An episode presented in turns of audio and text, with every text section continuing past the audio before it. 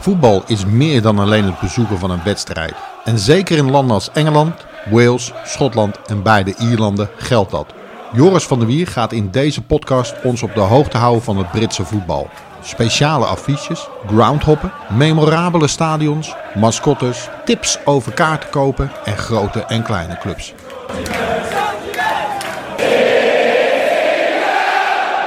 Live from Scotland, this is the Doing the 116 podcast with Joris van der Weer and Tommy the Cat.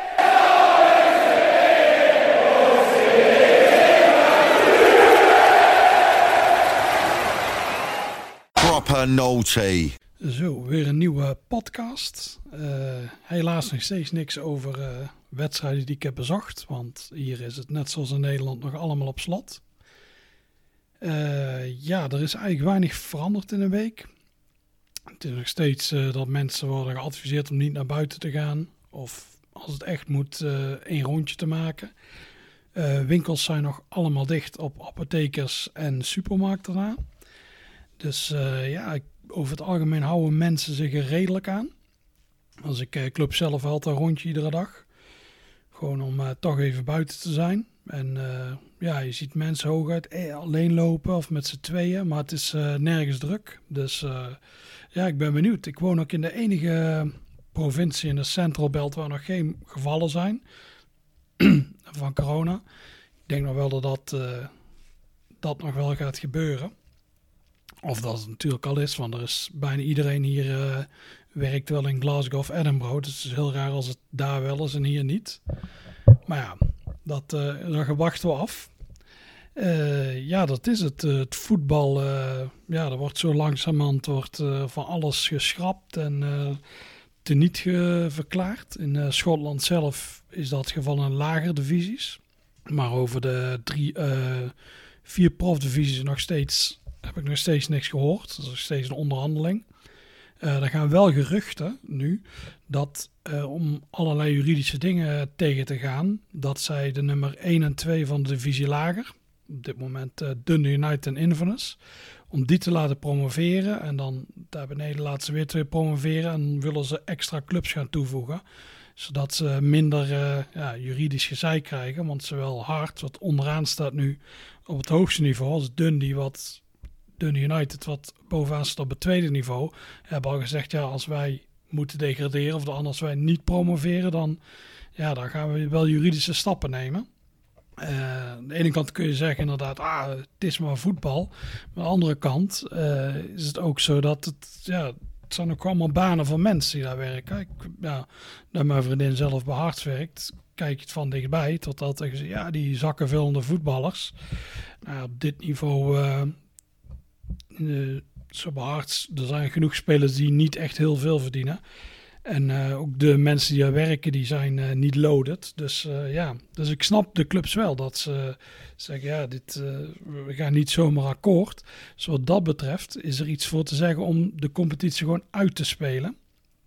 zelf, als het mogelijk is natuurlijk, zou ik eigenlijk mijn ideaal scenario is dat de competitie wordt uitgespeeld en dat voetbal een zomersport gaat worden. Het is ooit van oorsprong een wintersport geworden, omdat cricket was nummer één. Dat werd in de zomer gedaan. Dus voetbal moest maar in de winter worden gedaan. Het was ook een soort, uh, voor cricketers een manier om fit te blijven. Maar ja, cricket is nu echt een... Uh, ja, in heel veel landen stelt het echt niks voor. Dus uh, ja, dan zou je het kunnen veranderen. Dan zit je gewoon uh, ja, lekker in de zomermaanden in het stadion. Ik zou dan wel net zoals uh, Zweden doen, een zomerstop. Om op vakantie te kunnen en zo. Maar voor de rest lijkt me dat prettiger dan die wedstrijden in januari, februari. Dat is altijd één grote ellende. Maar we gaan zien wat er gaat gebeuren. Dat is de corona-update. dan het onderwerp. Ik had vorige keer over dat ik het over Barnett zou hebben omdat, uh, ja, ik had eerste keer over Portsmouth natuurlijk. Dat is een mooi vervolg. Allerlei uh, verhalen eromheen. Maar ik heb gisteren uh, Sunderland Till I nummer 2 gezien. Tweede serie. Dus ik ga de hele podcast over Sunderland hebben. Voor, dus de Newcastle fans kunnen nou het beste uitschakelen. Want ja, het is natuurlijk een vijand. Sunderland is een club die ik eigenlijk al best lang uh, sympathiek vind. Ik uh, komt eigenlijk door het stadion. Ik denk dat ik een boek kreeg met stadionfoto's. 94, zal ik zeggen. 94, 95, ik weet het niet meer precies. En eh, daar stond Roker Park ook in, het destijds het stadion van Sunderland. Ja, dat vond ik meteen geweldig. Die ligging, zo echt in een, in een arbeiderswijk. Het lag ook, het huidige stadion ligt dichter bij het centrum, maar Roker is de wijk naast de zee. Dus je zag er ook die zee op de achtergrond, die pier. Het was eigenlijk, eigenlijk had het alles. Het stadion zelf was ook geweldig, met allemaal staanplekken en ja, Archibald Leeds stadion. Dat is sowieso al, uh, vond ik altijd uh, mooi. Al wist ik toen nog niet uh, wie Archibald Leeds was natuurlijk. Maar nee, dat, is, dat was perfect. En dus ja, helaas, ik was nog te jong, dus ik heb nooit het stadion kunnen zien. Alleen toen kwam er in 98, maar begin 98, een documentaire Premier Passions. En die ging over Sunderland.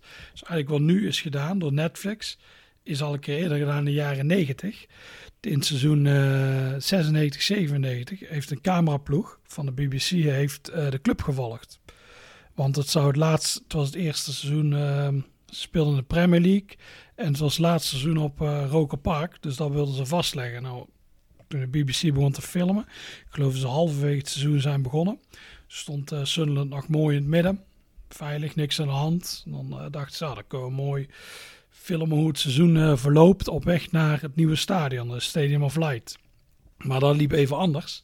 Sunderland, Sunderland miste een spits, zoals ze eigenlijk nu hebben.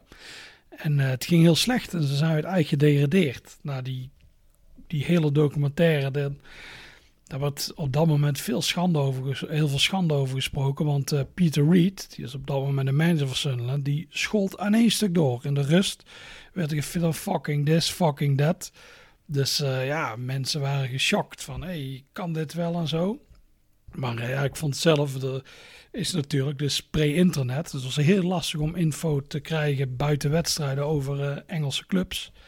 Dus ja, dit was voor mij echt geweldig. En de stadion zag je en alles. Dus sindsdien, ja, ik heb, wel, heb ik wel een zwak voor Sunderland. En een rennende kat omheen. Um, heb ik wel een zwak voor Sunderland. Ook, ja, shirts waren wel mooi. En, ja, Sparta shirts zijn het. En nee, altijd uh, leuke club gevonden. Dus ja, een aantal keer naartoe gegaan. toevallig, ja, dat is natuurlijk niet toevallig, ben ik er twee keer geweest in de, met, tegen Newcastle, de grote derby. Ja, dat is wel echt een, een aanrader om die eens te bezoeken. Want uh, ja, dat, die leeft wel echt heel erg. Dat is wel een van de ja, betere derbies in Engeland. Ik denk, het is geen Burnley Blackburn. Ik schaal me net, ik doe me net de categorie onder. Want uh, ja, Blackburn Burnley is allemaal wel, nou, die was wel heel beladen. En hier is het zo, daar kunnen ze nog een beetje buiten stadion. Er is bijvoorbeeld geen combi. Of ja, bij Blackburn en Burnley worden die fans helemaal afgeschermd. En dat is uh, hier niet. Maar het is wel, qua sfeer is het echt, echt een aanrader. Ik heb hem ook twee keer bij Newcastle gezien. Toevallig alle vierde keren heeft Sunderland nooit verloren. Nou, weer een kat. Kom, kom maar man. Die zit even aan de bank te krabben. Dus altijd een leuke club om, om naartoe te gaan. Ik vind de stad heeft ook wel iets in tegenstelling tot uh, Newcastle is eigenlijk een leukere stad. Maar het verschil tussen de twee vind ik in Newcastle is ook veel meer te doen. Daar is eigenlijk alles. In die buurt daar in het noordoosten van Engeland. Daar gaat eigenlijk iedereen in Newcastle om te stappen. Of naar bioscoop. Je hebt daar de, een heel groot winkelcentrum, metrocenter. Er ligt wel een gatecenter, maar een gatecenter wordt eigenlijk beschouwd als Newcastle. Uh, grote concertzaal, alles. Je hebt daar zelfs nog een goede rugbyclub. En Sunderland heeft eigenlijk niks. Sunderland heeft één ding, dat is een voetbalclub. Dus daar gaan ze ook helemaal voor. Dus die club is, uh, ja, dat is eigenlijk alles voor ze. Dat is hun trots. Dan merkte ik wel toen ze dan, ik was bij een van die wedstrijden, toen versloegen ze voor de zesde keer op rij Newcastle. Ja, dat was een soort uh, droom. Dus, uh, net voordat ze voor het eerste keer degradeerden. Of uh, ze, ja, oh, poes. Dat is die kat weer. Voordat ze degradeerden, dat eerste seizoen van Sunderland Till I Die. Ik moet wel even de kat in de gaten houden. Kom eens even, Emma. Zo heel lastig. Zit hier wel in mijn eentje de podcast te doen, maar de beesten zijn, zijn ongemak. Eh, nee, wat ik zei, dus allemaal eh, ja, blij met dat ze dat Newcastle versloegen, waar ze zo'n hekel hebben. Newcastle heeft ook een soort scheldnaam voor ze. Eh, Sunderland, nou, ja, ze hebben eigenlijk geadopteerd als uh, geuzennaam nu. Sunderland wordt, uh, werden altijd de, maar de genoemd. Dat komt van Macam. Dat, uh, het ging over de boten. Newcastle had, ja, jullie maken ze en wij pakken ze. Dus Macam en Thekum. En daar komt de naam Mackhams vandaan. Wat eigenlijk een scheldnaam was voor uh, mensen in Sunderland. Maar ja, ze hebben hem geadopteerd. Net zoals bijvoorbeeld in Nederland is dat eigenlijk Joden, is ook een geuzennaam geworden. Of Boeren bij PSV. En dat is ook met Mackhams gebeurd. Dus uh, ja, altijd een leuke club gevonden. En uh, dus toen ik zag dat ik voor, vorig jaar er weer een documentaire kwam, dat uh, Sunderland een seizoen werd uh, gevolgd, ja, daar keken we heel erg naar uit. Het ging over het seizoen, ja, wat ik net al probeerde te vertellen, dat ze waren net gedegradeerd en ze hoopten meteen weer terug te komen. Nou, dan gingen de makers, die trouwens grote Sunderland-fans zijn, die gingen er ook vanuit. Die zeiden, nou, we gaan wel bovenin meedoen. Nou, dat liep helemaal verkeerd. Wat voor de kijker natuurlijk interessant is. Want de club uh, degradeerde gewoon nog een keer. Ja, dat is gewoon alles wat je dat jaar zag. Dat is eigenlijk een soort handleiding voor als je club hebt. Hoe, hoe voer je geen beleid? Of wat voor dit beleid moet je nooit voeren? Want echt alles ging fout wat ze deden. En het eindigt dat uh, Stuart Donald, met nog twee anderen, die neemt de club over. En de, er hangt al een beetje positieve sfeer. Ik heb ook, uh, ik volg natuurlijk veel accounts en zo op uh, Twitter. En ook bij heel veel fans was er, ah, eindelijk, we zijn, hadden een Texaan. Die betaalde wel continu, maar die interesseerde het eigenlijk niet meer. Dus die club was eigenlijk gewoon uh, stervende. En uh, nu was er een eze gevoel van, hé, hey, dat is, we kunnen weer omhoog kijken. Zeker omdat de League One is natuurlijk Sunderland samen Portsmouth verre de grootste club. Dus dachten die uh, makers, die dachten we gaan Sunderland nog een keer volgen. En nu gaan we, uh, hebben we wel een leuke afloop, want waarschijnlijk gaan uh, we promoveren. Alleen dat liep weer anders, want ja, Sunderland is een soort pechclub lijkt wel. Daar gaat het altijd mis. En nu ook weer. Het is, die, iedereen die ja, de afloop is niet verrassend. Is voordat ik naar die serie kijk, wist ik al hoe het afliep. Sunderland promoveerde niet en veel gezeik. Maar uh, ja, dat in het begin nog niet. Je hebt echt het gevoel van, ah, die Stuart Donald, die, uh, ja, die, heeft, die ziet het wel, uh, dat is een goede eigenaar, dat, dat gaat wel goed komen daar bij die club. Alleen zijn, hij heeft twee mensen met die die club overneemt. ja, Juan Sartori, een Uruguayaan, een beetje een, die in de politiek zit. Volgens mij heeft hij keer wilde hij president van Uruguay worden. En in allerlei zaken zit hij. Die heeft een deel, ik geloof 20%. En uh, Charlie Medven, dat is een PR-goeroe. Uh, die heeft uh, 6%. En de rest van Donald. Dus die, alleen die Charlie, die Uruguayaan, die zie je niet echt. Komt een paar keer aan het woord, maar voor de rest zie je hem niet zo. Maar die Charlie Medven is heel erg aanwezig. Die wil ook die club, dat is ja, wat ik zei, is een PR-goeroe. Die heeft allerlei plannen. Zo wil hij het stadion, dan moet... Hij vindt dat het stadion moet gaan lijken op een uh, club in Ibiza. Dus snoeiharde muziek en dus niemand verstaat elkaar als die aan wordt gezet. En hij heeft allemaal van dat soort plannen. Het is, ja, het is een beetje een uh, gladjakker. Het is ook... Heel veel mensen, als ik oh, de reacties zie, vinden hem heel onsympathiek. Maar ik heb het wel het gevoel dat hij echt iets wilde bereiken met die club. Hij is... Uh, na deze serie is hij nog een half jaar aangebleven. Hij is nog steeds, heeft hij 6%. Alleen bemoeit hij zich niet meer met de club. Hij is teruggegaan. Hij zegt, ja, mijn klanten in Londen hebben me nu nodig. En bekijk het maar, ik heb er geen zin meer in. Dus die is eigenlijk nu zo goed als weg daar bij die club. Dus zit alleen Stuart Donald er nog maar. En uh, ja, die, die twee die kennen elkaar trouwens al lang. Die uh, Donald en die Medven. Want die zijn allebei Oxford United fans. Ze hebben ook... Uh, eigenlijk geprobeerd. Eerst was de bedoeling om Oxford United over te nemen, ik geloof in 2015. Maar dat is toen mislukt. Dus, uh, en uh, Stuart Donald heeft al een club, Eastleigh, uit de National League, vijfde niveau. En die heeft hij eigenlijk omhoog gekregen. Dat was een klein clubje. Hij heeft ze naar dat niveau gekregen. Het stadion is wel aangepast. eh, best goede spelers en zo. Zelfs kansen gehad om echt naar de league te promoveren. Dat was ook eigenlijk zijn plan. Maar dat is, dat is niet gebeurd. Maar Eastleigh, dat heeft een bepaald. Dat ligt onder de rook van Southampton. Dus dat zal nooit een grote club worden. Iedereen die uit die stad komt, die is al voor Southampton. Dus ja, met zijn Eastleigh kun je wel naar de league gaan. Maar dan, zodra die Stuart Donald opstapt met zijn geld, dan, ja, dan is het ook over. Dus ik denk dat hij heeft gedacht, toen eh, Oxford United niet lukte. Toen zag je ineens, hey, Sunderland is op de markt. Het was een aantrekkelijke aanbieding ook van die Amerikaan. Want die club had ontzettend veel schulden. En de Amerikaan zei, je kunt de club overnemen. En dan scheld ik alle schulden kwijt. Want ze waren allemaal de club had schulden bij hem. Hij, eh, dus eigenlijk een topdeal. En Sunderland is natuurlijk in potentie, dat is een heel grote club. Die zou zo, ja, die horen eigenlijk qua achterban en alles geschiedenis, horen die wel aan de Premier League. Ook een veel grotere club dan Oxford United. Stuart Donald heeft gedacht, hey, dit is, het is eigenlijk ideaal. De club is nu helemaal op zijn laagst, League One. Ik kan die club overnemen. En eh, die schulden zijn kwijtge... Die schulden zijn eh, weg. Dus het is een ideale, ideaal moment om nu over te nemen. En waarschijnlijk promoveren we wel. Dus, maar hij heeft het natuurlijk wat onderschat. Bij Eastleigh kon hij... Dat is maar een kleine club, dus daar kon hij alles regelen. Hij, was, hij is altijd heel zuinig geweest overigens. Hij heeft eh, zelf eh, een self-made miljonair is hij geweest. eh, in de verzekeringen. Hij is niet zo oud. Ik denk 44, 45.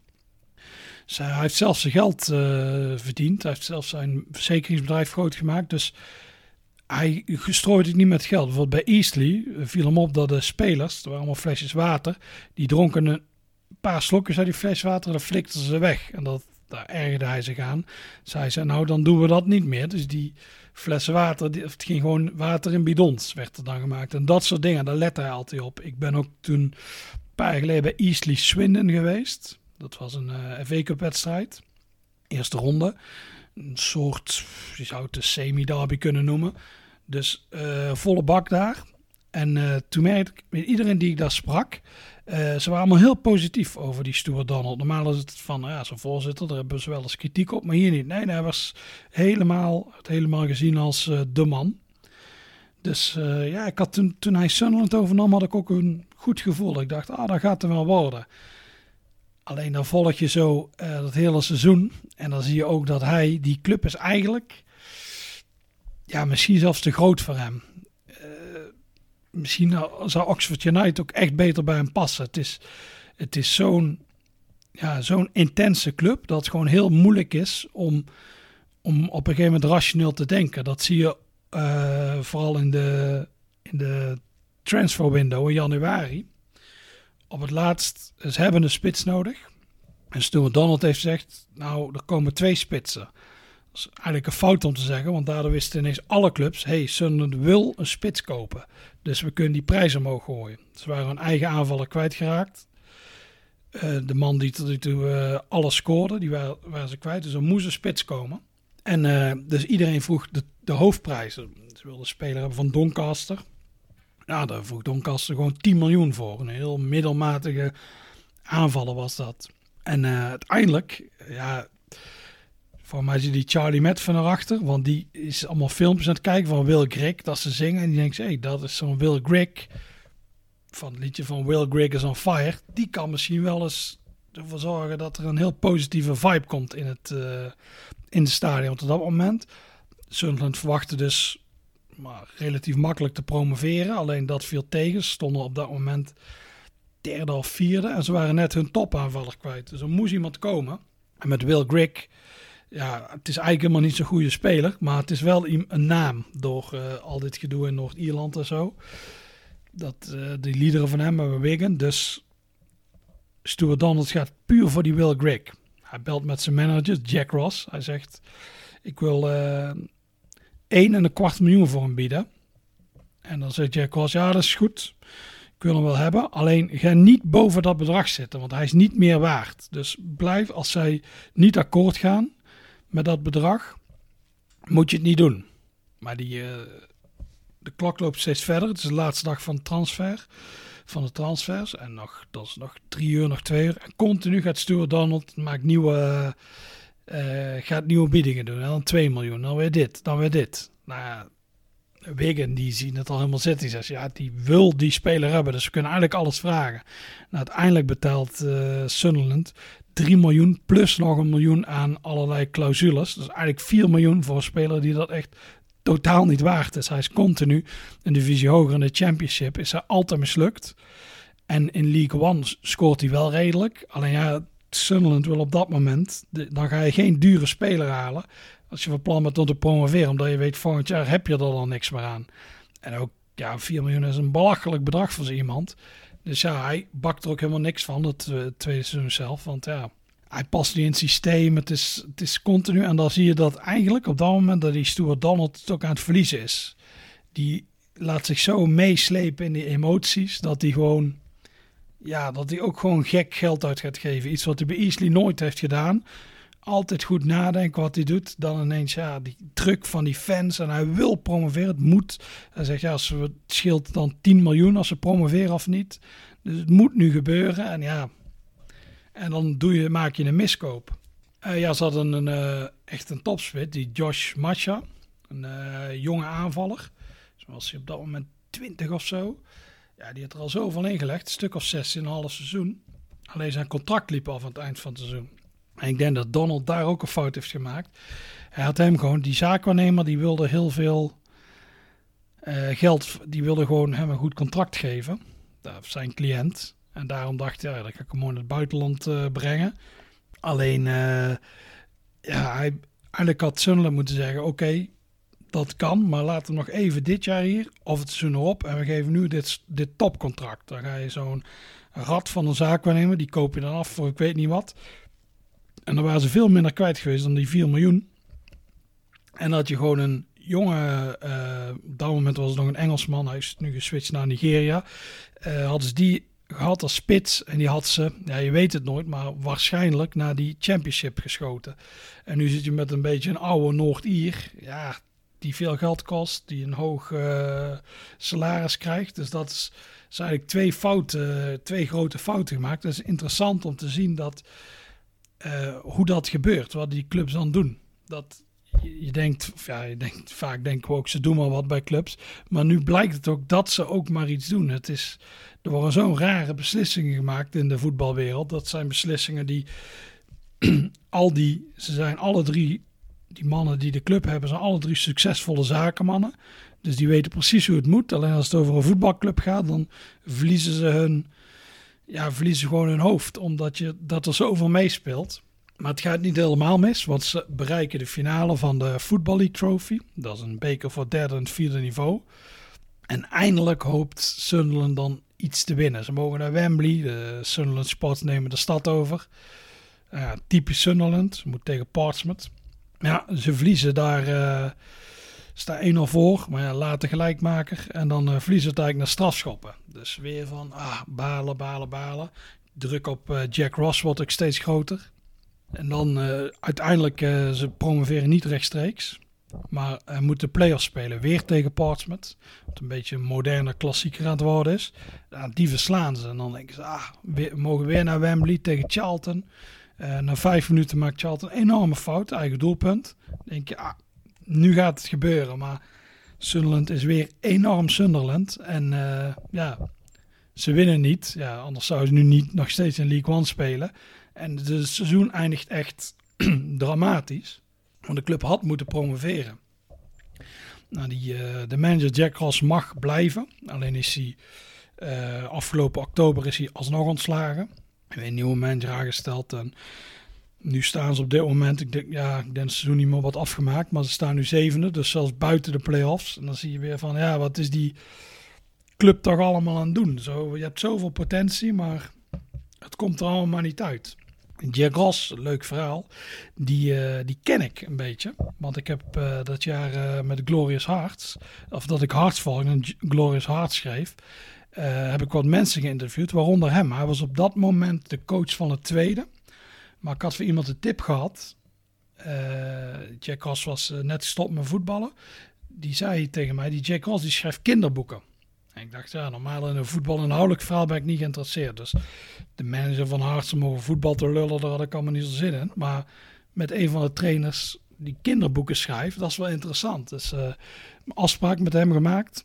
Trainingscentrum daar van Harts. En toen hebben we nog een hele tijd met hem gezeten. Toen vertelde hij over die kinderboeken. Het, was, het waren nou best leuke verhalen. Het is een beetje om kinderen veel zelfvertrouwen te geven. Wat ze allemaal... dan iemand die, ja, die denkt, hoe kan hij zo goed voetballen? En dan komt hij toch in het team en dan uh, flirt helemaal op. Dus dat was eigenlijk, hij heeft er een stuk of drie geschreven. Dus dat vond ik eigenlijk een heel bijzonder verhaal. Hij vertelde wel tegen me, ja, uiteindelijk wil ik ergens manager worden. Ik dacht zelf, ja, eigenlijk is hij te sympathiek daarvoor. Dan denk ik, ja, hoe kun je in zo'n harde wereld overleven? Maar uiteindelijk is hij uh, bij Eloa begonnen, een kleinere Schotse club. Heeft heel goed gedaan. Dus uh, nam Sint-Mirren hem over. En uh, daarmee, wat in deze serie lijkt het heel Sunderland heel erg verdedigend speelt. Maar dat valt, daar staat hij in Schotland juist niet bekend om. Met Sint Mirren ook speelden ze enorm aanvallend voetbal. Ook een soort 4-3-3 met allerlei, een beetje Johan Cruijff voetbal leek het wel. Wat je, wat je eigenlijk nooit ziet. En die promoveerde meteen. Dus die, had, die heeft een enorme, ja, die heeft best een goede reputatie hier. En ook als je bijvoorbeeld de doelpunten krijgt die Sunderland heeft gemaakt. In die serie wordt er gezegd, ja, er werd bijna niet gescoord, maar dat viel ook nog wel mee. Ze hebben er 80 gemaakt. En volgens mij zijn er maar twee clubs dat, ja, die, die er meer hadden gemaakt. Dus ja, natuurlijk heb je een beetje met de edits te maken. Dus het viel allemaal wel mee. Ik denk dat hij daarom ook nog, dat ze hem nog even de kans hebben gegeven. En uh, nu zit hij hier weer bij uh, Hips. En uh, ja, doen het wel aardig. Ze stonden, Hips en Hart stonden allebei onderaan. Sinds Jack Rosseret, die werden bij beide clubs genoemd. Maar bij Hips is Hips ineens naar boven gegaan. Ze staan nu zesde, geloof ik. Dus ja, dat is eigenlijk best een goede manager. Maar ja, dat zijn ook in Sunderland Tillardij nummer 1 heb je uh, Chris Coleman. Die heeft hartstikke goed gedaan bij Wales. Half finale gaat er zo, maar het is daar zo'n wespennest en zo'n enorme druk dat gewoon iedereen daar om een of andere reden faalt. Het maakt bijna niks uit wie je neerzet. Ze hebben nu uh, Phil Parkinson van Bolton. Die heeft bij Bolton best goed gedaan ook. Een keer die club erin gehouden en zo. En uh, bij Bradford heeft hij het goed gedaan. Alleen bij, die, bij Sunderland lukt het gewoon niet. Het lijkt zo'n... Het lijkt een soort, uh, ja, wat de Feyenoorders altijd zeggen, een soort gifbeker. Het is ook een club, als, als ik een manager was, ze zouden mij benaderen voor Sunderland dan zou ik er toch nog een paar keer over nadenken. Want ja, het maakt gewoon echt je carrière kapot. Die, dat is die Simon Grayson, ook van Sunderland Till Die 1. Ja, die, is ook, die heeft best veel clubs van het derde naar tweede niveau gebracht. Nu zat hij dan op het tweede niveau, dat ze begonnen. Maar die is daar ook helemaal kapot gegaan. Dat is gewoon... Ja, het is een uh, vergiftigd geschenk. Zo, zo, kun je het beter zeggen. Die club, is, daar is iets heel raars mee aan de hand. Ik ben benieuwd of ze nog ooit kunnen omdraaien. Maar uh, op dit moment ziet het er slecht uit. Uh, ook al omdat als seizoen stilleggen en zeggen de eerste drie promoveerders het Sunderland daar niet bij. Ik denk dat ze volgend seizoen, wanneer dat ook dan mag starten, dat uh, Sunderland gewoon weer op het derde niveau speelt. Het is, echt de vraag hoe zij het ook financieel dan gaan redden. Uh, wat ik al eerder vertelde, Charlie Medven is, in, uh, is opgestapt in december. Want die wilde eigenlijk niets meer te maken hebben. En Stuart Donald zelf heeft de club te koop gezet. Hij heeft altijd gezegd: Ik wil blijven zolang de fans me pruimen. Maar die fans zijn enorm kritisch. Misschien moeten die ook eens naar zichzelf kijken aan de ene kant, want die leggen er zoveel druk op. En uh, op een gegeven moment had een grote sportersgroepering gezegd: Ja, hij moet wieberen. Uh, wil eigenlijk dat hij weggaat. En toen dacht die Stuart Donald ook: Nou, ik ga hier helemaal kapot van de stress. Ik stop mijn eigen geld erin. Ik verkoop de club en ik ga mooi terug naar Oxford, waar hij woont. En dus de club staat nu te koop. Alleen zijn er, er waren twee partijen geïnteresseerd, maar nu met die corona, dat is even afwachten of iemand het nog wil kopen natuurlijk. Dus het is, ja, het is, het is weer één puinzooi daar. En dat is gek als je inderdaad het einde ziet van de eerste serie, hoe optimistisch iedereen was. Van yes, nieuwe eigenaar. Ze hadden ook, in het begin hebben ze ook enorm veel energie. Ik heb, ook al zijn het allebei geen fans van Sunderland, maar eigenlijk voor Oxford United, heb je echt het gevoel, ja, die wilden echt iets van maken. En ja, op het laatst is het gewoon, ja, is het gewoon helemaal over. Ze zijn echt een paar jaar ouder geworden, gewoon in één seizoen tijd. Dus ja, wie het nu weer gaat overnemen, dat, is maar, dat zal een vage sheik weer zijn in het buitenland. Of een of andere Rus of Amerikaan. En uh, ja, dan gaat die maar kijken of er iets van te maken valt. Ja, er, is, er zit wel veel potentie. Ik snap uh, sommige mensen, als je die club terug gaat naar de Championship, ja, er zit gewoon echt potentie om ze naar de Premier League te krijgen. Zo'n Bournemouth of Watford of dat soort clubs, of zelfs Crystal Palace. Dat stelt eigenlijk allemaal niks voor vergeleken met Sunderland. Alleen niemand krijgt het daar op de rails. Maar ja, dan gaan we, we gaan het afwachten hoe het nu verder gaat. Dus het is, het is ook eeuwig zonde. Ik heb uh, die mannen die documentaire maakten, die zijn er nu mee gestopt. Dus die, er komt geen derde seizoen. Ze hadden gezegd, ja, we maken een derde seizoen als de club promoveert. Dat zij willen steeds een ander, zo de eerste jaar, de eerste serie ging over dat de club moest promoveren naar de Premier League. Die waren net gedegradeerd. En uh, ja, dat lukte niet, dus toen waren ze weer gedegradeerd. Dus weer was het kan ze promoveren. En nu is eigenlijk het doel hetzelfde dan in seizoen 2, dus uh, promoveren. En die documentaire maken ja, dat is minder interessant, dan maak je een herhaling. Dus eigenlijk, ja, daar hadden ze niet zo zin in. Ze zeiden, als club was gepromoveerd, hadden ze wel weer gevolgd. Maar nu is het natuurlijk enorm jammer met alles wat er gebeurd is.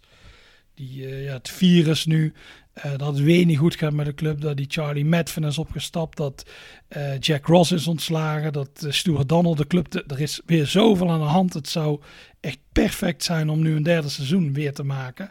Maar ja, helaas, het komt niet. Ze hebben wel gezegd... Ik zag een interview in de lokale krant. Ik, dat ze zei, ja, wie weet maken we nog ooit een derde reeks. Maar ik denk dat ze zelf ook balen dat ze dit seizoen uh, niet de club hebben gevolgd. Want ja, dat zou gewoon. Ja, dat zou nou, een mooi verhaal zijn geweest. Overigens, een, uh, ik weet niet of het een geheim is of niet. Er wordt op dit moment wel weer zo'n reeks gemaakt over een club. Alleen dat is uh, niet Sunderland, maar Hearts. Bij uh, Gordon van Kirsty, dat die cameraploeg, die, is, die loopt er altijd rond om te filmen. Dus ja, dus we hebben nu een seizoen binnenkort komt er de BBC geloof ik. Dus gaan ze ook zo'n reeks net zoals Sunderland maken, maar dan over Hearts. En eigenlijk zei die documentairemakers in het begin, ze gingen ervan uit, omdat Hearts dus nu zo slecht, maar ze dachten, wij gaan die club volgen. En uh, misschien pakken ze wel een prijs of zo. En het was net het moment dat de supporters de club over zouden nemen. Dus dat was eigenlijk ook net zoals de eerste Sunderland Till was een heel... De gedachte was dat het heel positief zou worden. Maar Hearts is nu ook één grote puinzooi. En uh, ja, de club is nu dicht. Dus uh, naar die serie ben ik ook uh, heel, heel benieuwd hoe dat gaat worden. Dus, maar dat zal ergens ja, over een half jaar of zo worden uitgezonden. Misschien nog later. Ja, we hebben geen idee van het voetbal weer begint. Maar ja, dat is iets om naar uit te kijken. En ja, dat, dat, was het eigenlijk voor Sunderland, Till I Die. En ja, tot de volgende podcast. Some people are on the pitch. They think it's all over. It is now. Dank voor het luisteren naar deze podcast. Als je meer van dit soort verhalen wilt horen, abonneer je dan op onze podcast. Voor meer informatie over onze abonnementen, boeken, merchandising en prachtige verhalen, verwijs ik je door naar staantribune.nl.